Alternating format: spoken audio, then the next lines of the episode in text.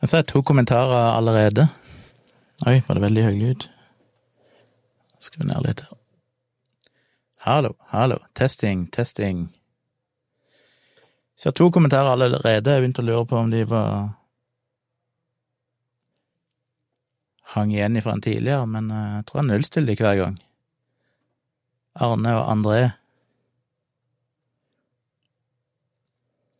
Er det nye kommentarer? Jeg ser ikke noe timestamp på de. De var der inne før jeg gikk live, så jeg ble helt uh, satt ut av spill. Arne lurer på hvordan jeg stiller meg til Ja, jeg får ta det etterpå. Jeg en liten intro først. Uh, det er tirsdag 3. november, ti på halv ett. Den store dagen. Det blir vel vågenatt i morgen med live med live med presidentvalget i USA, som jeg gleder meg veldig. Hei, Stig. Så jeg sitter nå her på mitt lille kontor slash studio og skal spille inn min daglige podkast. Føles som at det er lenge siden jeg har gjort det, for jeg har hatt så mye andre livestreams. Vi hadde jo eh, Sist jeg spilte inn og gjorde det på fredag, jeg tror det. På lørdag så ble det jo en halloween special ved midnatt som Tone var med på, og i går, søndag kveld, hadde vi samboerprat. Og tidligere i kveld, eller ettermiddag, så hadde vi livestreama dialogisk, så det var livestream hver dag. Eh, men akkurat denne her, Tomprat-podkasten, eh, føles det som vel det er tre-fire dager siden jeg har gjort. Arne bekreftet at det var en ny kommentar. Ja, da var dere raskt på ballen her. Før jeg fikk eh, trykt live, så hadde dere allerede kommentert. Utrolig hva dere får med dere. Jeg ga dere jo bare åtte minutter heads up, eller noe sånt. Men det er gøy. Det er gøy at det er folk som ser på i natten. Um, jeg har akkurat sittet og Eller, dagen i dag har jo vært litt annerledes, for det er Tone, min kjære samboer, har hatt bursdag. Så jeg sto opp eh, tidlig, gikk ut en tur med hunden, og så prøvde jeg å få hunden til å være opptatt med noen godbiter, så hunden fikk noe eh, å knaske på, Men så jeg sneik meg ut bort til nærmeste butikk, eller ikke nærmeste, men bort til en eh, grønnsakhandel, eller sånn innvandrerbutikk, som jeg kaller det, som har alt mulig stæsj, der de har noe som heter for Simit, som er en sånn eh, bakst, en sånn sirkel så det er sånn kransekake, men litt sånn søttaktig brød med sånn sesamfrø på, som Tone elsker.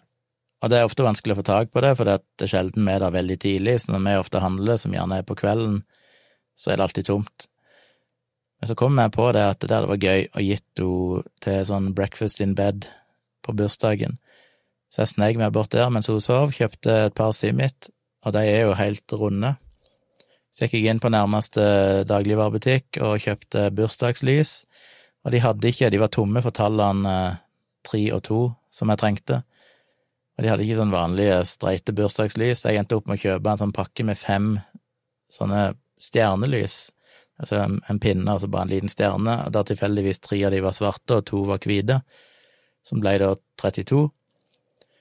Så når jeg hadde kommet tilbake igjen, så venta jeg en stund, og når jeg følte det var på tide å vekke henne, klokka var vel rundt elleve eller noe sånt, så satte jeg i de lysene, tre på ene sida, to på andre sida, tente på de, la denne her på en tallerken så det nesten så ut som ei bursdagskake, bare at det var en simit, en kopp med ny, uh, nybrygga kaffe i midten, og gaver, og traska inn til henne og sang eh, bursdagssang for å vekke henne. Så hadde vi en liten seanse der der hun pakka opp gaver og, og, sånne ting. Jeg filma litt, og hun filma litt, så hun kommer vel til å lage en liten uh, bursdagsvloggevideo som kommer på YouTube-kanalen hennes etter hvert. Hei, Ørjan. Og så ble det jo jobbing og stort sett vanlig dag, så var det dialogisk innspilling. Men så etter dialogisk så hadde jeg invitert uh, Tone på en bursdagsmiddag og det er alltid litt krevende, for hun er veganer, så jeg må liksom finne en plass der jeg tror de har god mat, men òg har en skikkelig vegansk meny. Og så fant jeg en plass som heter Asian Box, en sånn Asian crossover restaurant, som jeg har hørt andre tipse meg om før, men egentlig hadde glemt vekk før jeg bare googla og fant den igjen, og så tenkte jeg ja, det er jo den, ja. Og der er det en egen seksjon i menyen som er vegansk, som jo er veldig kult, eh, for da er det lett å, å bli tonefornøyd. Så vi gikk der i kveld. Heldigvis veldig lite folk. Eh, synd for restauranten, men bra for oss. For vi satt i god, god avstand til andre, veldig trivelig lokale store, gode plasser, sånn skikkelig sånn benker med svære bord, så du hadde liksom skikkelig romslig med plass og god avstand til, til andre mennesker. Og bestilte mat. Det er litt sånn tapasaktig. De har noen sånn main courses òg, hovedretter, men du, stort sett så det meste på menyen er at du bestiller små, små retter som du kan sette sammen. Og det var virkelig, virkelig godt. Tone var superfornøyd med sine veganske greier, og jeg var superfornøyd med mine ikke-veganske greier. Og jeg, eh, som jeg snakker om noen ganger på samboerprat og sånn, jeg er ofte ikke så glad i restaurantmat. Jeg liker sånn thai og indisk og sånne ting, men med en gang det er en restaurant som skal ha litt mer fancy mat, så Så jeg liker jo noe av det, men ofte syns jeg det er litt sånn kjedelig. Eh, det jeg likte her, var at det, det var så mye smak i alt. Det var sånn skikkelig robust og god smak. Asiatiske smaker.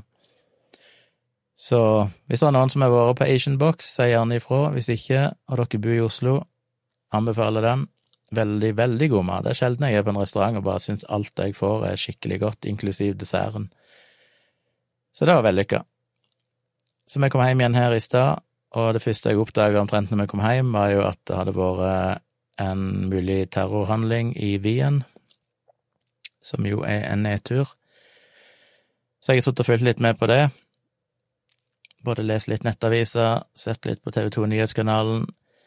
Eh, men det er fascinerende med de nyhetskanalene. Det er, jo, det er jo ingenting som er verre enn TV-kanaler som skal dekke et eller annet pågående hendelse live. Fordi de må egentlig bare sitte og dra ut tida, for det skjer ingenting. Så det blir jo bare å sitte og høre de gjenta de samme tingene tusen ganger, og ingenting er bekrefta, og de prøver liksom bare å hale ut i for å holde, holde ting gående. Så det er egentlig mer effektivt å gå inn på Twitter og bare lese seg opp der. Så så jeg jo de advarte mot disse videoene av folk som blir skutt. Jeg er jo sånn da at da må jeg selvfølgelig gå inn på Twitter og søke opp og finne de videoene av folk som blir skutt, for det syns jeg er interessant. Så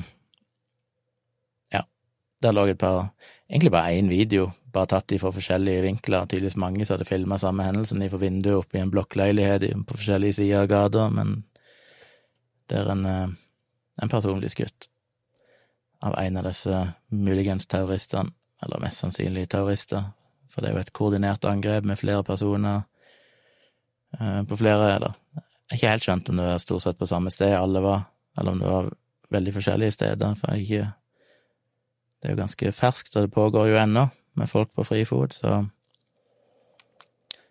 håper jo at eh, de får stoppa de jævla fuckings idiotene fortest mulig og at ikke det er mer dødsfall enn det en frykter. Det er jo alltid sånn de melder ett bekrefta dødsfall, og så er det noen som melder om tre, og så er det andre ubekrefta som sier sju.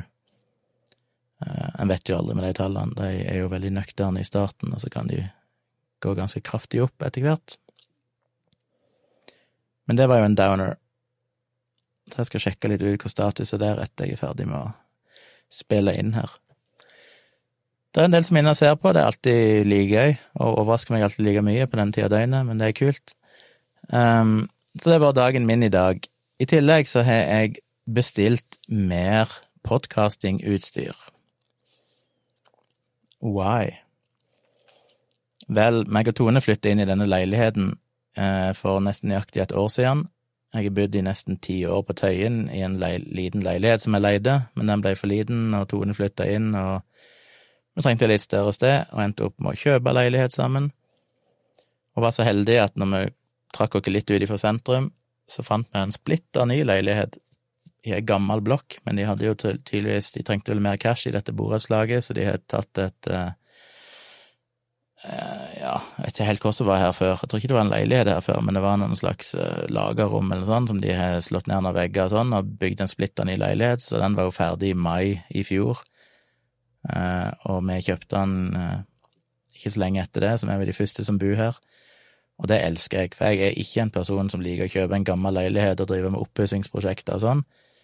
Jeg har i mye gamle leiligheter, selvfølgelig, for det er jo det en har råd til. Men når vi endelig skulle kjøpe den, så følte vi oss veldig heldige som fant en leilighet som var både stor i areal, nesten 100 kvadrat, hadde fire rom, i tillegg til stue, bad og kjøkken og gang og bod, eh, som var helt perfekt. Målet var Jeg hadde jo bare ett soverom i den gamle leiligheten, eh, så jeg hadde kontoret mitt på et kjøkkenbord inne i et sånn kjøkkenhjørne som basically sto i stua. Så jeg hadde en sånn drøm om å ha et eget kontor, og det fikk vi jo så til de grader her. Jeg fikk jo dette kontoret, så er et rom på andre sida av veggen her, som dattera mi har når hun er her, så hun har fått sitt eget rom her endelig. Eh, og så har Tone sitt eget rom, slash, altså kontor slash studio. Og så har vi et soverom til meg og Tone innerst, som er litt større enn de andre. Eh, så jeg føler meg eh, heldig. Hva i all verden var det jeg begynte å snakke om? Podkastutstyr. Hvorfor begynte jeg å snakke om leiligheten? Husker ikke. Anyway, så Jeg har jo denne Tomprat-podkasten. Meg og Dag har jo dialogisk podkast. Tone har jo sin podkast som heter Nerve, men hun har hatt lyst å ha en annen podkast veldig lenge. Tone har jo en uh, veldig fascinasjon for um, true crime og mord og drap og, og gørr, holdt jeg på å si, og det har for så vidt jeg òg. Syns det er fascinerende med en menneskelig syke og ondskap og, og ting som skjer. Så hun har hatt lyst til å lage en litt sånn true crime-aktig podkast, men har egentlig hatt lyst til å ha noen med seg. Hun har spurt noen folk, men det er liksom ikke blitt noen som hadde tid. Og jeg vil hinte om om jeg ville være med, men jeg har heller ikke følt jeg egentlig hadde tid til det, og kanskje ikke, iallfall ikke det formatet jeg trodde det skulle være i starten. Men eh, så i dag kom plutselig fram til et litt nytt konsept, og vi lurer på om vi skal starte podkast sammen, rett og slett. Jeg vet ikke om jeg skal si for mye om det, annet enn at det blir eh, Ja, overordna, like ofte, så blir det egentlig bare historier for virkeligheten som er grufulle eller skremmende. Eh, alt ifra kriminalhistorier til flyhavari til ja, bare ting som som vi syns er veldig interessante, og som på en måte er sånn shit, dette her må ha vært helt jævlig å oppleve. Så vi kommer til å researche eller iallfall finne historier som er interessante, og, på en måte fortelle dem, og prøve å lage ganske korte podkaster, sånn kanskje en halvtime eller sånn per episode. Så det tror jeg kan bli kult. Det skal vi Vi får se hva det blir til. Jeg har jo ingen garantier, det er ikke sikkert vi får det til, ikke sikkert det funker. Men det er iallfall en slags plan, så det vi jobber med nå, er at eh, vi må få lage designe et cover og bli enige om navn. Vi har noen ideer, men uh, ikke helt spikra det lage en intro-jingle eller noe sånt, og så skal vi prøve å spille inn. Så i den sammenheng så har jeg altså dette podkaststudioet mitt, der jeg har en røde Procaster-mikrofon med en røde arm og alt det som hører med. Det heter Allen Heath lite miksebord, som sagt, som jeg kjøpte ganske nylig, som jeg er veldig fornøyd med. Jeg hadde jo en eh, jeg hadde et Beringer miksebord tidligere, som jeg jo kjøpte for 15, 15 pluss år siden, eh, som Der er mye støy og det er jo en vanlig kritikk av Beringer, at eh, de gir folk mye for pengene, på en måte. Du kan få ganske mye utstyr til en billig penge, men det går jo på bekostning av kvaliteten ofte. Eh, Iallfall før i tid. Det er mulig det er blitt bedre nå. Men jeg sleit jo veldig med at når jeg spilte inn, så var det vanskelig å ikke få en del støy, spesielt for den røde procasteren, som er en dynamisk mikrofon, må du gaine opp ganske mye, altså du må booste signalet ganske kraftig. Så jeg må jo koble den via en eh, cloudlifter, som det heter, som er en sånn liten boks som bare forsterker signalet. Og i tillegg så må jeg liksom kjøre gainen her på miksebordet på inputen temmelig høyt, nesten på maks, for å få nok lyd. Og hvis du da har støy på kanalen, støy i elektronikken, i preampen, så blir det mye støy når du begynner å skru opp signalet, og så når du får det inn i, i et eller annet program, spille inn, så skal du gjerne komprimere lyden og sånn, og da får liksom få pushe lyden enda litt høyere og jevne ut signalet, og da dytter du gjerne opp støyen òg. Så det måtte til med, med noise cancelling, holdt jeg på å si, eh, ja, sånne filtre sånn for, eller eh, plugins for å fjerne støy, og det tar mye tid, og det påvirker lydkvaliteten litt, og det bare tar mye tid. Så det å på en måte investere i utstyr som gjør at ting er bra, enten det er bilde, at du får et bra bilde, et bra objektiv, et bra kamera, med gode farger, alt dette her, og bra lyd, så er jobben så mye enklere å gjøre. Så vanvittig mye enklere når du har et bra utgangspunkt. For det er mye du kan fikse i editorer med plugins og sånn, men gud bedre, det tar mye tid, og det er frustrerende å måtte bruke mye tid hver gang du skal gjøre et eller annet. Og i går merka jeg for første gang sånn skikkelig hvor bra det miksebordet er, og jeg satt jo i dagevis og researcha og sammenligna miksebord, prøvde å finne hva som var beste miksebordet jeg kunne ha, som er lite nok til at det ikke tar mye plass i studio, men har den funksjonaliteten, for det må litt sånn ruting til her. Eh, det er et miksebord som er en digital digital analogkonverter, så jeg kan koble det til datamaskin med USB. Så jeg må sørge for at lyden går inn og ut riktig, og jeg må kunne rute hvilke kanaler jeg skal gå inn via USB og bli spilt inn, og hvilke som ikke skal, og hvor han skal hente lyden, og hvor lyden skal komme ut igjen. og Hvis miksebordet er for enkelt, så får jeg ikke satt opp det oppsettet mitt her sånn som jeg vil, så det måtte liksom innfri noen krav. Men det funka ekstremt bra, og i går, når jeg spilte inn den Kari Jakkesson-videoen, så var det den første videoen jeg lagde med det nye miksebordet, og når jeg satt og, i Final Cut og hørte på lyden, så var det bare sånn shit, lyden er jo bra. For første gang, alle videoene tidligere jeg har lagt ut på YouTube-kanalen min, eh, da snakker jeg ikke om livestreams, men jeg snakker om videoer som jeg faktisk må laste opp og redigert og sånn, har jeg altså stressa så mye med lyden etter jeg har redigert videoen, så begynner jeg alltid med lyden, og så er det så mye styr for å prøve å få lyden med EQ og sånn, for å prøve å få den til å høres noenlunde bra ut. Nå trengte jeg egentlig ikke gjøre noen ting. Signalet helt rent, var liksom støyfritt, og jeg syns jeg trengte egentlig ikke EQ av lyden i det hele tatt. Så det var sånn en befrielse. Så jeg er fornøyd med utstyret.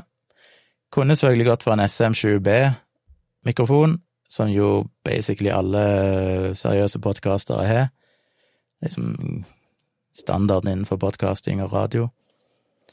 Men den koster omtrent dobbelt så mye som Røde Procasteren, og jeg tror ikke du får så Du får ikke dobbelt så mye kvalitet for pengene, og jeg har vært veldig fornøyd med denne. Så Og så er det jo en fordel for meg når jeg først har en Røde Procaster, og ha det samme overalt. Så jeg kjøpte rett og slett to ekstra av denne mikrofonen, og to ekstra stativ, eller noen armer. Så jeg skal ha én til her inne, så jeg kan ha to mikrofoner her inne og spille inn podkast sammen med Tone, for eksempel. Og dette rommet jeg sitter i nå, er jo veldig bra, som jeg snakker om tusen ganger, for jeg har jo brukt mye tid og penger, som dere ser, de oransje tingene her oppe og sånn, og støydemper det og alt mulig sånn. Så akustikken her inne er veldig flat og, og god. Så her blir det podkastinnspilling. Og så kjøpte jeg jo et ekstra sett til Tone sitt kontor, for jeg har irritert meg så over at eh, når hun spiller inn podkast hjemme i disse koronatidene, ikke hun går ned i studio fordi det er stengt, så lider jo hun av dårlig lyd, og det syns jeg er dumt. Og eh, så jeg kjøpte tilsvarende utstyr til hun med samme mikrofon og arm, en cloudlifter og en liten Focusrite eh, DA-konverter, så hun kan få lyden rett inn i Mac-en sin. Så det vil jo heve kvaliteten på hennes podkast òg, betraktelig. Uh, Yrjan, som er audiointeressert, uh, han er en liten Yamaha AG06. Ja, jeg så jo en del på det Yamahaen, men jeg endte opp med å ikke velge det. Jeg uh, sto vel til slutt mellom Allen Heath eller Soundcraft Nei, hva det heter Er det Soundcraft? Ja, Soundcraft.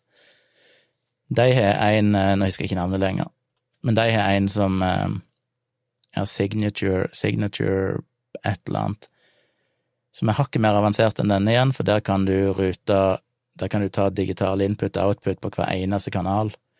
Det kan jeg ikke her. Her må på en måte velge om jeg vil sende en sånn egen record-knapp, så du kan rute én og én kanal uh, inn i USB-outputen, eller du kan sende monitor eller AUX ut. Men på denne Soundcraften så kan du ta en etter et spor, kan du velge om de skal ta lyd inn og ut, så det er vel 14, Jeg husker ikke, det kommer an på hvor stort brett du, eller stor miksebord du har, men eh, det er mange, mange, mange USB inn og ut, og hver, hver eh, kanal på miksebordet kommer som en egen audio-device, eller ett og et par, da, kommer som en audio-device inn på Mac-en. Det kan jeg ikke med denne, men det trenger jeg heller ikke, konkluderte jeg med. Så denne jeg har, er en Allen Heath Z60 10FX, som jo er samme som den Z10-en, bare at denne har fadere, 60 millimeter fadere, istedenfor bare potter til å skru på. Og det var kanskje ikke kritisk, men jeg liker fadere. Det er ikke så viktig for det jeg gjør, at du har fadere, men eh, jeg liker det. Og den er en del nyere modell, og har en litt annen preamp. tru Ja, det er mulig den er samme preamp som Z10, det husker jeg ikke helt. Men eh, siden den er noen år nyere, så tenkte jeg kanskje det er bedre elektronikk enn den Z10-en, så jeg tenkte det var Jeg gikk for den. Og jeg var veldig fornøyd. Veldig, veldig fornøyd med den de eh, par ukene jeg har hatt den. Den er fin og liten og fin og søt. Står her nede under bordet mitt. Så når vi får en ekstra mikrofon her inne, så kan den gå rett inn i miksebordet, og vi kan spille inn podkast med to personer, og Tone kan spille inn sin podkast med god lyd. Og det gleder jeg meg til. Det får jeg i løpet av uka. Gleder meg til å rigge det opp. Det er jo det gøyeste jeg gjør, det er liksom sette opp nytt utstyr. Men hvis noen eh, vil drive med podkast eller tilsvarende og trenger et lite, veldig bra miksebord Jeg husker ikke prisen på det, det koster 4000 et eller annet eller sånn. Um, Allen Heath er jo veldig, veldig bra merke, og denne her eh, De der ZED-modellene er visstnok veldig bra. De er noen enda mindre kompakte noen, men de ble litt for små igjen for meg og har litt dårligere litt dårligere preamper og sånn, tror jeg, så veldig, veldig fornøyd. Så vi går opp igjen til toppen her. Har jeg sikkert mista halvparten av lytteren, bare snakke om lyd, det er jo ingen interessert i. Arne, som var først ute, lurer på hvordan jeg stiller meg til spørsmålet om norsk EU-medlemskap. Har du noen tanker om EU-debatten generelt? Jeg blir så flau av sånne spørsmål, for jeg har ofte vært så lite engasjert i den type politikk, holdt jeg på å si, Eh, så jeg føler ikke jeg kan svare med noen som helst tyngde. Men eh, så ta alt med ei klype salt. Her kan jeg endre mening hvis jeg får eh, gode argumenter. Men jeg har nok helt litt imot at jeg er for EU-medlemskap. Bare litt av en sånn overordna tanke om at jeg tror vi trenger Vi trenger mest mulig samarbeid for å overleve inn i framtida. Um, så kan en jo si at vi har mye av det allerede gjennom EØS-avtalen og sånn, og at det er en fin sånn mellomting. Men jeg vet ikke, jeg kan ikke noe om det, men eh, hadde det vært et, og det blir det vel sikkert om ikke så lenge, kanskje, en ny folkeavstemning om EU-medlemskap, så hadde jeg kanskje stemt for det nå. Men det kan godt endre seg hvis det hadde blitt en ny valgkamp eller en ny eh, avstemning om det, så vil det jo komme selvfølgelig mye mer argumenter fram i lyset igjen og bli aktualisert, som jeg da må ta inn over meg og fordøye. Så jeg har ikke noe sånn veldig bastant mening om det, men jeg heller nok litt imot at jeg er pro EU-medlemskap, bare fordi jeg tror det er positivt med, med større unioner og mye samarbeid, mest mulig samarbeid.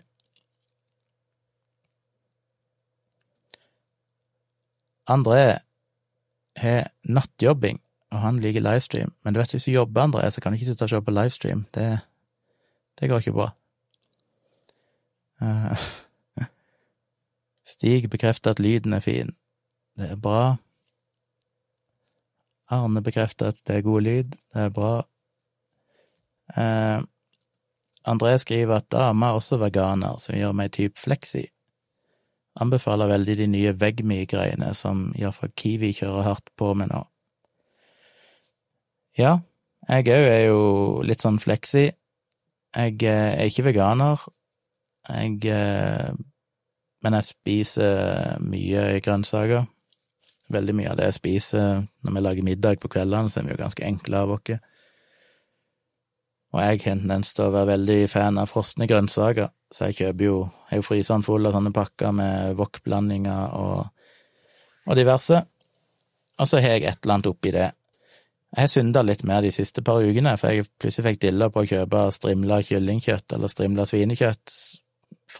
Eh, Steike det, og så steike grønnsaker og så blande det sammen, og så hive på en pose med noe sånn asiatisk saus, enten sweet chili-saus eller black pepper sauce eller et eller annet, eh, som er sinnssykt godt. Når du bare blander det sammen, så får du en sånn asiatisk rett som er sinnssykt god.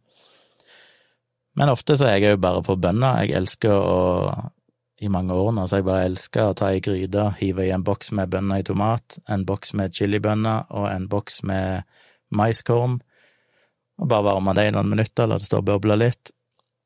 Og så steiker jeg opp grønnsaker, en wok-blanding eller et eller annet sånt. Jeg har fått så dilla på den eh, Rema 1000 har iallfall en sånn pakke som heter Thai, eller wok eh, Thai-style, et eller annet sånt, en gul pakke som er sånn mangoterninger i pluss grønnsaker. Og den er altså så god. Men et eller annet sånn, varme opp det, og så bare dynker jeg på bønner på toppen. Eh, det er jo helt vegansk og er dritgodt. Så det blir mye grønnsaker. Ellers liker jeg jo å lage pasta, koke opp noe spagetti eller sånn, og blande sammen med stekte grønnsaker, og bare ha på ketsjup eller en eller annen saus eller et eller annet sånn. Fantastisk godt. Så det er veldig mye som jeg liker å lage sånn, så jeg spiser jo mindre kjøtt nå enn jeg gjorde før i tida. Jeg synda litt mer i det siste, bare for jeg har fått litt ille på å lage de der asiatiske rettene. Men eh, ja, det funker fint, det, å være en veganer og en ikke-veganer i samme hus.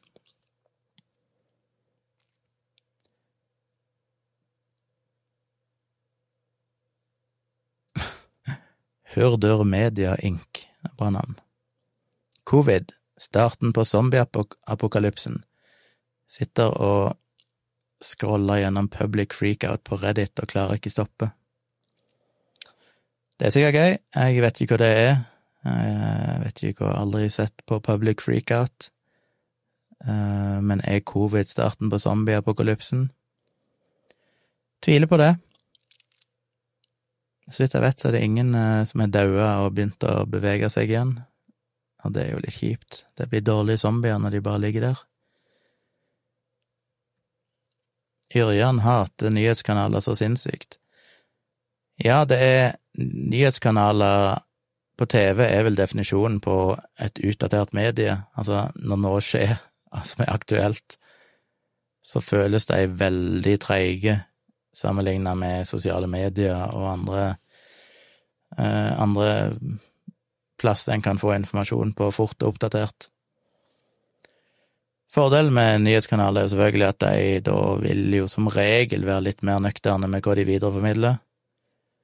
Eh, selv om de selvfølgelig klarte å videreformidle at 22. Eh, juli-terroristen mest sannsynlig var en islamistisk terrorist tidlig på kvelden, som jo er selvfølgelig forståelig, men eh, en skal jo selvfølgelig være litt forsiktig med å spekulere i sånne ting, og det føles som at de er blitt mer forsiktige i det, litt mer klok av skade de siste årene, når det skjer noe, så de er litt mer forsiktige med å anta hva det kan være. Men det føles veldig utdatert. Nyhetskanalen hjemme hos mine foreldre går jo 24-7, fordi pappa sitter jo bare og ser nyhetskanalen hele dagen, og ser ting på repeat, og han ser jo samme nyheten sannsynligvis 50 ganger i løpet av en dag, men det er helt greit for han. Jeg tror det er litt sånn meditativt for han. Innenriksministeren i Østerrike har gått ut og kalt en terrorhendelse. Ja, jeg så det, at de har kalt eller hørte det rett før jeg gikk inn på nå, så sa de vel det på TV 2. Og det vil vel være rart å ikke kalle dette for en terrorhendelse, det har vel alle tegn på at det er det. Men hvem vet? Eh, så er vi nede på lydgreiene, som jeg egentlig har snakka nok om. Terje syns det er interessant å høre om lydoppsettet mitt, for så vidt alt teknisk, ikke bare lyd. Ja, jeg har snakka en del om det tidligere, så jeg skal ikke bruke altfor mye tid på det. Og jeg har jo en plan om å, som jeg har sagt i snart et år etter jeg flyttet inn her, om å prøve å få lagd en liten video eller noe sånt der jeg presenterer oppsettet mitt. Men grunnen til at jeg ikke har gjort det, er jo delvis fordi at jeg aldri helt er blitt komfortabel, og jeg føler jeg nærmer meg nå. Nå trenger jeg bare den siste mikrofonen her, så føler jeg vel at jeg iallfall i denne omgang er i mål. Det blir sikkert omrokeringer i framtida, men nå føler jeg på en måte at jeg har fått et oppsett som funker med bildet. Som jeg har sagt i andre sammenhenger, senest i Dialogisk i kveld, så er det jo et lite kontor jeg har. Ikke så mange kvadratmeter. Og det å prøve å få noe dybde i rommet er vanskelig. Og jeg har jo lenge hatt kamera stående der. Jeg har to skjermer her. Jeg har kamera mellom skjermene. Som var upraktisk, både fordi da ble skjermene stående litt ifra hverandre, og når du har to skjermer, så er det like greit at de står tett innpå hverandre, så du kan bevege muset mellom de uten noe sånn Uten noe opphold. Eh, og det begrenser litt bevegelsesfriheten, og så fikk du den bakgrunnen som er til min venstre side her, som er basically noen hyller med noen objektiver og sånne ting. Som hadde vært en grei nok bakgrunn hvis det fylte mer område, men du får liksom et hjørne på skapet her, her er det et skap, og du har ei dør der bak, og det ble liksom bare stygt og usymmetrisk. Men når jeg setter kamera denne veien, så syns jeg det ser litt mer ryddig ut når jeg har vindu med gardiner her bak, og, og du får utnytta lengden av rommet, siden det er rektangulært og ikke kvadratisk, så ja, jeg syns det funker. Stor dilemma mitt nå, som jeg har diskutert med Tone om, det er jo hvor i all verden skal den andre mikrofonen være?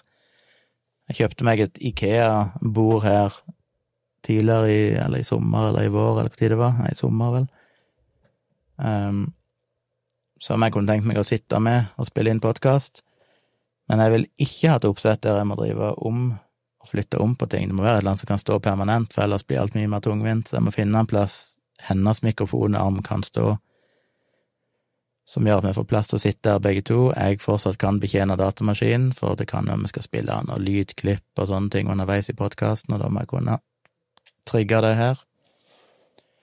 På en annen side sett så er vi jo samboerprat, og da vil jeg jo egentlig bruke begge mikrofonene, ideelt sett, så da må man ha en mikrofon som egentlig kan være her en plass, og hun kan sitte her, og begge kan se inn i kamera. Så det å ha en mikrofon som både funker der bak, men her òg, det har jeg ikke helt knokket koden på. Eller så får vi jo bite i det sure eplet og bare bruke én mikrofon med samboerapparat, selv om det liker jeg ikke helt, for denne mikrofonen er ikke beregna på å ta opp flere personer, egentlig. Den er jo en mikrofon for én person, som du skal snakke ganske tett innpå. Men samboerapparat er ikke så jækla viktig, sånn lydmessig. Så lenge folk hører rock og sånn, så er det en litt uformell livestream som kjører inne på patronen vår, så det kan være det for å gå. Ellers er jo et eh, A73-kamera, Sony, som står og filmer. Akkurat nå har jeg en Sigma 14-24 objektiv, f2.8, som funker veldig bra til det formålet. Den er vid nok til å funke veldig fint i et lite rom når det er et fullformatkamera. Ellers så har jeg en eh, Sigma 35 millimeter, som jeg elsker til mye alltid fra portretter, når du skal ha litt mer eh, omgivelser med på portretter men òg til mer sånn gatefotografering og ja, Jeg elsker det. Det er et av de første objektivene. Det er kanskje Ja, det var kanskje det første objektivet jeg kjøpte, og det syns jeg er kanonbra. Må jeg reise meg opp litt her. Så har jeg en Sigma 85 millimeter F1.4, som òg er kanonbra. Jeg hadde jo en større versjon av dette, den forrige versjonen. Eh, men så kom de med en ny versjon som er tilpassa laga for de kameraene her. Eh, digitale speilløse kamera. Og denne veier nesten halvparten av det forrige, og er ekstremt mye mindre.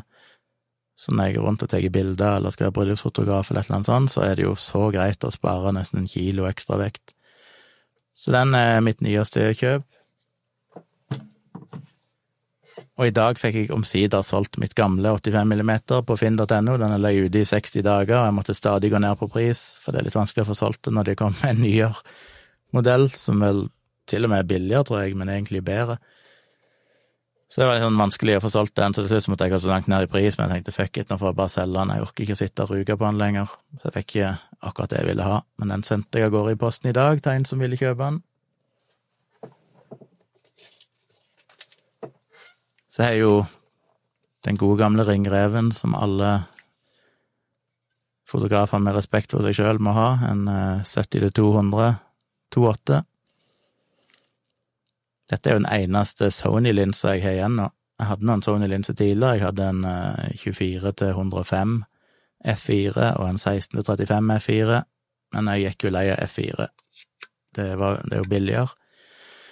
Men jo mer bilder jeg tar, jo mer vil jeg ha kvalitet og den type bilder jeg tar. Altså F4 er helt flott hvis du tar mye landskapsfoto og sånn, og, men til mitt bruk, som blir mye portrett og litt sånn nærbilder og sånn, så vil jeg helst ha F28 eller mindre. Så den er jo fantastisk. Fantastisk. Elsker dette objektivet.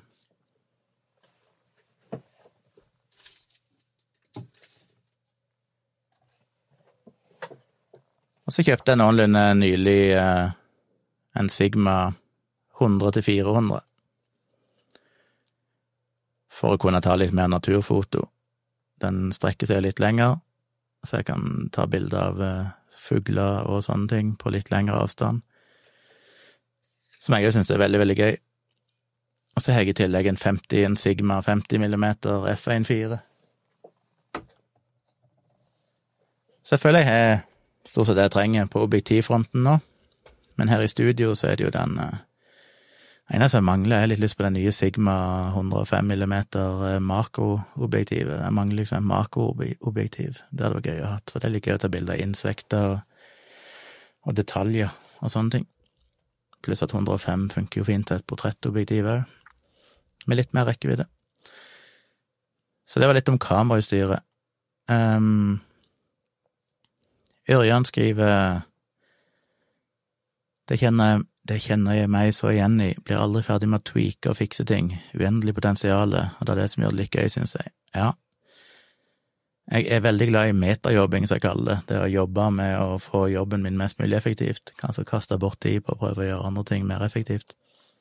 Um, så det å omstrukturere studio eller sitte og lete etter den perfekte programvaren til å gjøre et eller annet, er jo en evig prosjekt som jeg drevet med i uh, mange tiår, holdt jeg på å si. Um, men ja, det er gøy. Og jeg gleder meg som en unge til å få det nye. Det er liksom halve drivkraften bak at jeg har lyst til å starte en ny podkast, er jo nesten bare å Bare tanken på å ha et nytt studiooppsett med to mikrofoner og liksom føle at shit, her kan vi sitte og lage podkast. En gregers hopper ifra det ene til det andre. Har et spørsmål vedrørende incest. Hva er egentlig galt med det? Hvis man har to samtykkende individer på relativt lik alder, er det egentlig galt? Har vi noen andre argument enn at det er ekkelt? Nei, du vet, eh, de som følger dialogisk, vet jo at vi hadde en hel episode om incest i dialogisk for snart tre år siden, men av veldig merkelige grunner så eh, gikk den episoden tapt. Eh, utenfor vår kontroll, men eh, den mista vi, og det var jækla synd, for det var en interessant episode der vi blant annet diskuterte de her tingene her. Men jeg er enig, eh, jeg finner jo ikke noen gode argumenter mot at to samtykkende individer på relativt lik alder, altså for eksempel to søsken, eh, skal kunne ha sex med hverandre. Det er store argumenter imot det.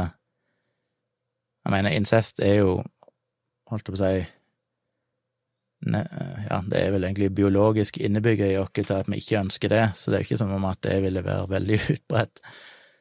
Eh, det er ikke som at hvis vi tillater det, så vil plutselig alle søsken begynne å ha sex med hverandre. Så jeg ser ikke helt uh, problemstillinger, men jeg ser heller ikke helt hva en vinner med å forby det, med å straffe folk for det. Selvfølgelig, den eneste argumentet imot det er jo selvfølgelig hva hvis du får barn? Det er ikke så gunstig eh, risikoen. Jeg husker ikke tallene lenger, jeg studerte det før vi hadde den podkasten og så ganske nøye på hva egentlig den statistiske risikoen for å få fødselsdefekter og sånne ting hvis du er søsken, for eksempel. Og de er en del lavere enn det folk flest tror, men de er fortsatt så høye at det er en, en uh, uansvarlig risiko.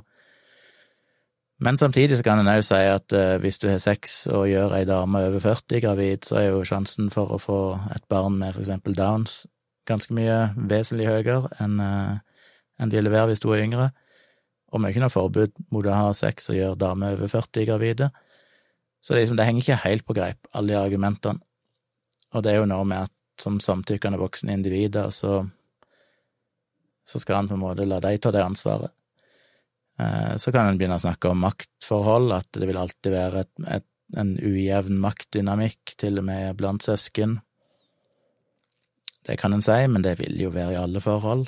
Jeg tror ikke du kan definere det på en annen måte, eller sette Altså, det vil jo basically være å si at alle par der det finnes en eller annen ulikhet i maktforholdet, skal ikke få lov å ha sex, og det er sånn Så nei, det koker jo egentlig ned til at eh, det er ekkelt, holdt jeg på å si. Det er det som vil være det argumentet folk havner på til slutt, når du presser dem på alt annet og viser til at ja, men det finnes andre situasjoner som er de samme risikoene, alt mulig sånn, og som ikke forbi, så ender det jo bare folk opp med at folk sier at nei, det er bare feil fordi det er feil, det bare føles feil.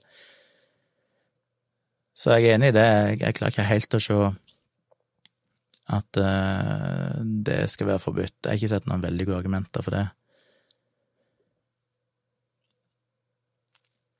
Hurdur Media sier at jeg syns oppsettet som står som det står nå, er veldig koselig, men som ihuga tilhenger av lukkede gardiner sitter det dypt inne og foreslår å åpne den opp for å gi scenen mer dybde. Ja, problemet hvis jeg åpner de, er at uh, du mister Jeg tror, jeg vet ikke om du hadde fått mer dybde, hadde du det? Jeg er litt usikker. Ja, du hadde kanskje det. Det føles litt som at du får en del dybde nå, siden de er så mørke, så det er nesten som du forsvinner ut i i et mørke. Ulempen med å åpne de er at du vil få refleksjoner fra lyskasteren her, for det har jeg jo ikke sagt. Jeg har et uh, Aputure LED-panel her, og et LED-panel der, og en uh, Hva det heter Er det Elgato sin uh, Keylight Air LED-panel her, så jeg har basically tre LED-paneler som lyser på meg, og så skrur jeg av taklyset, så jeg får et jevnt lys, og de vil jo da se refleksjonene hvis jeg åpner gardinene, og det er ikke så fint. Så det er et argument mot å gjøre det. Sebastian lurer på hvem som har laga introen til Dialogisk. Ja, det er Det er for så vidt meg. Det er et eh, Når vi skulle starte Dialogisk, så måtte vi ha en jingle, eller en intro, og var veldig usikre. Og så satt jeg og hørte igjennom gamle musikkting som jeg sjøl har laga, eh, både ting jeg laga på datamaskin med elektronisk musikk tilbake på 90-tallet, tidlig 2000-tall, Eh, og ting vi spilte inn med bandet mitt. Og så hadde vi et opptak Vi spilte inn mye med bandet, men det var liksom én som av en eller annen grunn bare følte kunne passe. Det var et opptak vi gjorde en sang som vi aldri spilte inn på noe CD eller noe sånt, men vi bare spilte den inn, husker jeg, live på scenen i Sirdal kulturhus. Der vi basically trykte record øverst i salen der miksebord sto, så sprang jeg ned hele teatersalen, opp på scenen, og så begynte vi å spille tok sangen i ett take, og så sprang jeg opp igjen og skrudde av. Så det er på en måte Ja, så hørte vi på det, og så sa ja, det er litt for uh, lav gitar, og så skrudde vi opp gitaren litt, og så gjorde vi det på nytt. For alt ble spilt inn bare på i en ferdig stereomiks, vi hadde ikke individuelle spor, så vi kunne ikke liksom justere forholdet mellom instrumentene i ettertid. Uh, så det er en sang som heter Elevator, og det du hører som uh, gitarriff, holdt jeg på å si, det er jo en bassgitar med distortion, så den intro uh, riff er en eh, distorta bass. Så jeg bare tok introen av de, de første få taktene, og så før jeg begynner å synge, så klippte jeg det, og så limte jeg inn på en måte det siste riffet helt i slutten av sangen, så det høres ut som jeg bare starter og slutter. Så det er tre minutter eller sånn imellom der jeg kutta ut. Og det er ikke veldig vakkert, og det er litt flaut sånn ettertid nå, når folk har hørt det så mange ganger. Ja, så miksa jeg inn ifra den første pilotepisoden meg og Dag spilte inn, Uh, vi spilte inn et par-tre episoder før vi begynte å slippe episodene med dialogisk. Så bare klippet jeg ut noe av det meg og han sa i mikrofonen, og så la jeg det inn i lyden. Så ble det en slags intro som nå er der fortsatt, selv om den ikke akkurat er fantastisk. Men selve sangen, hvis noen vil høre hele sangen i sin helhet, så ligger den eh, på nett. Jeg syns det er en litt kul sang. Veldig nittitalls, men uh,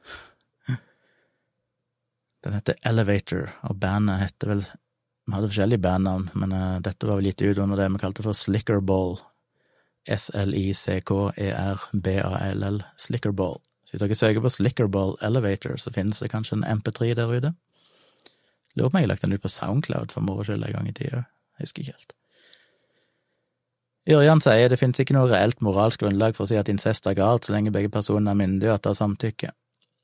Nei, Nei, moralsk grunnlag syns jeg uansett ikke det. Spørsmålet er jo om om en kan si at samfunnet totalt sett allikevel tjener på å unngå den type problemer.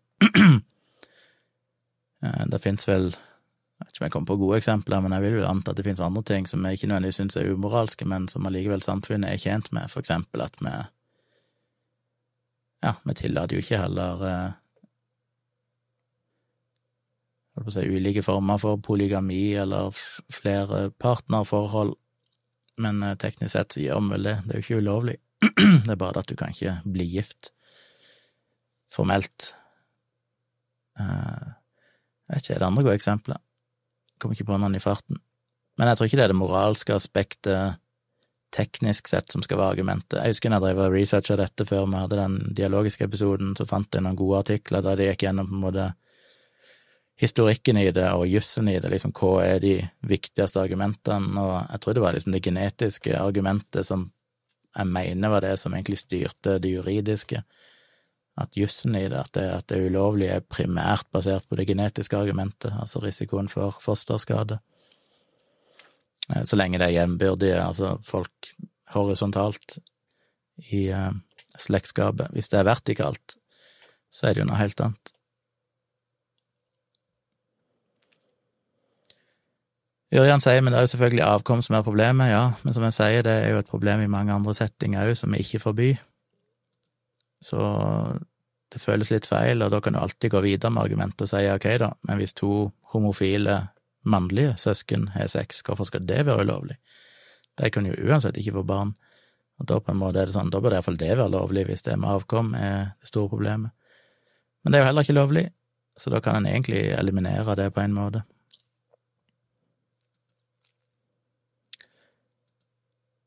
Darth Archer. Artig å se at du endelig har fått reklame på kanalen. Der har du iallfall fått en del timers titting. Lurer på hva du tenker om Dunning-Kruger-effekten. Eh, reklame på kanalen har jeg egentlig hatt lenge, det fikk jeg vel innvilga i april eller noe sånt. Så hadde jeg endelig nok eh, subscribers og viewer minutes på kanalen min til at Google aksepterte eh, at jeg kunne aktivere monetization av videoene mine. Men den siste videoen med Kari Jakkesson, den har ikke blitt godkjent ennå. Fordi jeg eh, tagga han jo med korona og covid-19 og sånne ting, siden det var det han handla om. Og når du gjør det, så går jo YouTube bananas og sier ops, dette her kan vi ikke tillate noe reklame på, før de har sjekka det.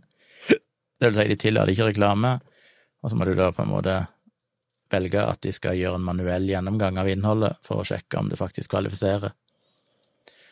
Som jo er fornuftig, for de ønsker jo å stoppe konspirasjonsteorier og desinformasjon rundt covid-19 og sånne ting.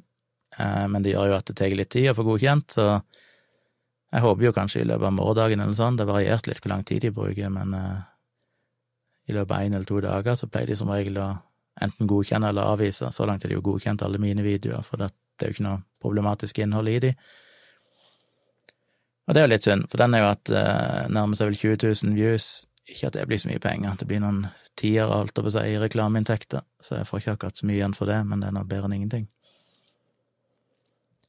Hva tenker jeg om Dunning-Kruger-effekten, ref. siste videoen fra Kari Jakkesson og valget 2020?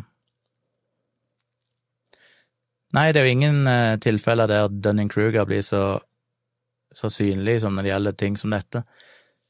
Um, det er jo fascinerende hvordan alle blir smittevernseksperter. Og det er et klassisk eksempel på at de vet de er akkurat for lite kompetente til å forstå hvor lite kompetente de faktisk er. De er så lite kompetente at de tror faktisk de har oversikten over hele feltet, og dermed kan svare og konkludere med en form for faglig tyngde. Og det er jo ikke heldig. Eh, samtidig er det rart nesten at ikke disse folkene sjøl ser dette mønsteret. Jeg sier jo i slutten av den videoen, så sier jeg jo at grunnen til at jeg opplever at hun er mot disse koronatiltakene, er jo fordi hun ønsker å være kontrær og vise til forskning eh, som sier Vi sjekker en del rundt dette her og tester i psykologiske studier og finner at det ser ut til å være en av mekanismene som gjør at folk blir konspirasjonsteoretikere, dette her med at de har et behov for å stikke seg ut og være unike og fremstå som smarte fordi de er skjønt noe ikke alle andre er skjønt, bare ved å være på en måte ta et motsatt eh, standpunkt til det eliten eller fagpersonene eller myndighetene gjør. Men det er litt rart at de gjør det uansett hva temaet er. Det burde liksom ringe ei bjelle, for hva er sannsynligheten for at alle de tingene myndighetene mener alltid skal være feil? At det nesten uansett hvilket tema det handler om, så har du rett hvis du er uenig med den rådende eh, vitenskapelige konsensus. Det virker jo veldig, veldig rart, og det er nesten sånn automatikk i det, at hvis du har en person som Kari Jakkesson som er motstander av en ting som koronatiltakene, så kan du jo være helt sikker på at du òg kommer til å være imot vaksine. De to tingene er jo ingenting med hverandre å gjøre, det er to helt forskjellige mekanismer. Men du kan jo være sikker på at hun kommer til å være mot det òg, bare fordi hun trenger å være mot det. Så det er det som er fascinerende. Hurdur mener at dialogisk intro er den beste introen. Bra, det er jo veldig hyggelig. Um, Gregers dram kan man være lykkelig dersom man har opplevd seg som polyamorøs, men befinner seg i et monogamt forhold. Det kan jeg jo ikke svare generelt på, men uh, jeg tror jo generelt sett at uh, ting som som handler om seksualitet og fetisjer og alternative relasjoner som polyamorositet og sånn, er ganske tett kobla til identitet, og jeg er jo litt usikker på hvor lykkelig en kan være hvis en fornekter eller undertrykker sider ved seg sjøl som er så fundamentale. Samtidig så tror jeg nok polyamorositet er noe som kan Det merker jeg jo på meg sjøl òg, hvilke ulike behov jeg kan ha i forskjellige faser i livet. Jeg tror ikke polyamorositet nødvendigvis er noe du enten er eller ikke, som å være homofil, for eksempel. Eh, det kan være mer behov du har på ulike stadier. Jeg tror nok du kan være lykkelig hvis du velger å slå deg til ro med at situasjonen er sånn som den er. Det er jo ingen forhold der du får alt du vil ha. Så jeg vet ikke, jeg har ikke noe fasitsvar på det, men jeg tror det er viktig at vi har et samfunn der det iallfall ikke skal være sett på som umoralsk eller skamfullt å for eksempel ha behov for flere partnere, sånn at eh, en kan på en måte være ærlig med seg sjøl, først og fremst. For problemet er jo det når en ikke kan være ærlig med seg sjøl eller sin partner, andre, fordi en har skam eller føler at det ikke er akseptert av samfunnet. Eh, det er jo fryktelig mange, det vet jeg jo bare av alle folk jeg har møtt i mitt liv og data og sånn, og hørt historier hvor mye ulykkelige mennesker, eller ulykkelige er kanskje et sterkt ord, men folk som har vært i suboptimale forhold fordi de har en eller annen seksuell kink, eller de har behov som de aldri har fått tilfredsstilt, men på en måte skammer seg over og tenker ja, men alt annet i forholdet er jo bra, jeg elsker jo denne personen, og Men så blir det gående med en sånn et savn, en slags tomhet, fordi du trenger et eller annet som er en del av din identitet. Jeg føler jo vi underkommuniserer jo veldig mye hvor viktig seksualitet for eksempel er for din identitet, hvem du er. Det er ikke bare noe vi gjør for at det er godt eller spennende, det er jo faktisk for mange noe veldig, stikker veldig dypt. Og det er veldig, veldig mange som skammer seg rundt alt som er utenfor normalen, og er i forhold altfor lenge fordi de aldri helt tør å innrømme for seg sjøl eller for andre at de har de behovene, for de føles på en måte de skal liksom i vårt samfunn være mindre viktige enn kjærligheten. Hvis du elsker en person, så er det ikke så viktig med sex, det er liksom litt sånn skittent og Og det tror jeg mange lider under. Du må på en måte anerkjenne at jo, seksualiteten er faktisk en viktig del av meg, og det er viktig at den òg matcher på forholdsnivå. Og det snakket vi jo litt i kveldens Dialogisk, der vi hadde en arkeolog som gjest, som snakka om sex i gamle Hellas og Romerriket, og hvordan det virka som det var mye mer Ikke nødvendigvis fritt, det var mye strenge regler, avhengig av klasse og sånne ting, men, men sex ble nok behandla mer som en sånn naturlig ting. Det var noe alle hadde et behov for, og i dag så er det mye mer knyttet opp mot moral og verdier enn det var i den tida, som jeg syns er synd. Sebastian fant uh, Elevator på Soundcloud. Ja. Jeg vet ikke om det er bra eller dårlig. Eh, hvis du går inn på slickerball.com, så la jeg jo ut for mange, mange år siden MP3 av mange av sangene våre. som er litt bedre lyd på, for de spilte min litt mer ordentlig. Jeg syns det er noe bra der òg. Der ligger òg en del av min elektroniske musikk, som er lagd under navnet Civics, eller eh, vi hadde òg et prosjekt som heter Liquid Elements, og så hadde vi et annet prosjekt som heter Smudge. Nei, eh, ikke Smudge. Jo, var det Smudge? Jeg husker ikke. Det ligger litt forskjellig musikk der. Hvor spilte jeg på uh, Elevator? Jeg sang, og jeg sang ganske grusomt på akkurat den, men jeg sang den iallfall og spilte vel uh, kassegitar, som du sikkert ikke hører så mye til. Jeg spilte litt forskjellig. På noen av sangene så spiller jeg tromme. Det vel de sangene under det prosjektnavnet som heter Herregud, hva er det vi kalte dere? Må jeg inn og sjekke på nettsida her. Draft det står for så vidt. Men på slickerball.com så ligger det øverst Liquid Elements. Det var meg som stort sett programmerte trommeloops og, eh, og spilte synt og sånn. Så hadde jeg en eh, kompis som spilte bass eller gitar, og kanskje kora. Så hadde vi et annet prosjekt som var Draft. Det var de samme to, meg og Sindre. Men da, det var mer sånn akustisk, analogt. Det var ikke noen datamaskiner.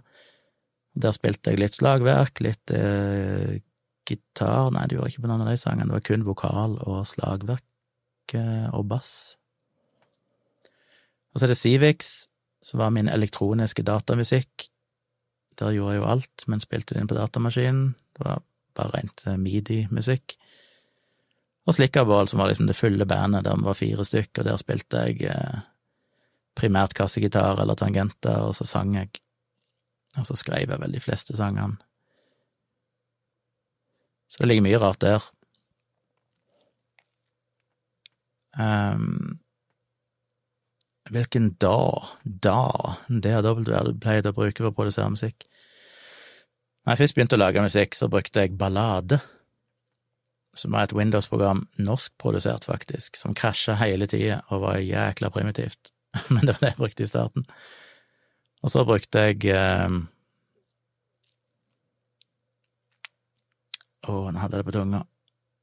Musicator gikk jeg vel over til. Og så eh, husker jeg ikke helt hva jeg brukte, men jeg gikk nå over til slutt til Cubase, vel. Jeg var så vidt innom eh, Logic òg, men jeg tror jeg aldri helt skjønte det i den tida. Så det var vel mest Cubase jeg brukte de siste årene. Stemmer ikke det, tror jeg. Ja, så vidt jeg husker. Det er fryktelig lenge siden dette her. Over 20 år siden det meste av dette ble gjort. Eh, SEO SS, nei, S-E-E-O-H-H spør hvem hadde vunnet meg og Dag i en slåsskamp. Dag, tror jeg. Både fordi han sikkert hadde tatt meg fysisk, og fordi han hadde vært mer villig til å påføre meg skade. jeg hadde venta andre kinnet til, jeg. Um, Andreas, føler du Forelempingstilsynet på Facebook? De tar for seg en del av Norges verste konspiratører. Nei, det gjør jeg ikke. Jeg mener jeg har hørt navnet, men aldri sjekka det ut. Takk for tips. Ask-Geir spør, sier jeg ble i dag permittert fra fast stilling som ufaglært kjøkkenarbeider i en bar, ikke særlig glamorøs jobb, men jeg lærte mye og fikk utvidet ansvarsområdene etter mitt tempo. Det var del én, og så kommer det en del to, men den har han ikke skrevet ennå, den var tom, så det får vi jo vente på. Jeg må si det var trist da at du ble permittert.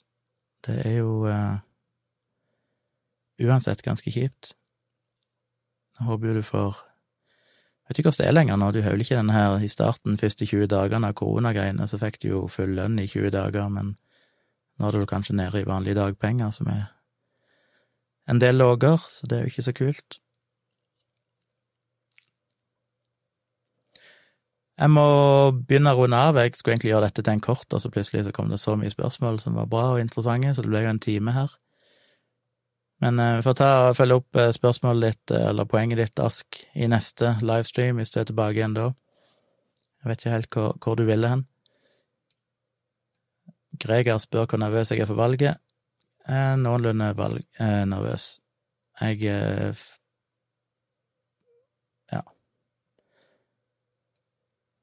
En viss spenning òg, for det er sånn hvis Trump vinner, så er det jo tragisk Men eh, så er det litt sånn, ok, det blir jo interessant å se hvordan det går. Hva i all verden kommer til å skje da? Men jeg håper jo virkelig for verden sin skyld at eh, Biden vinner.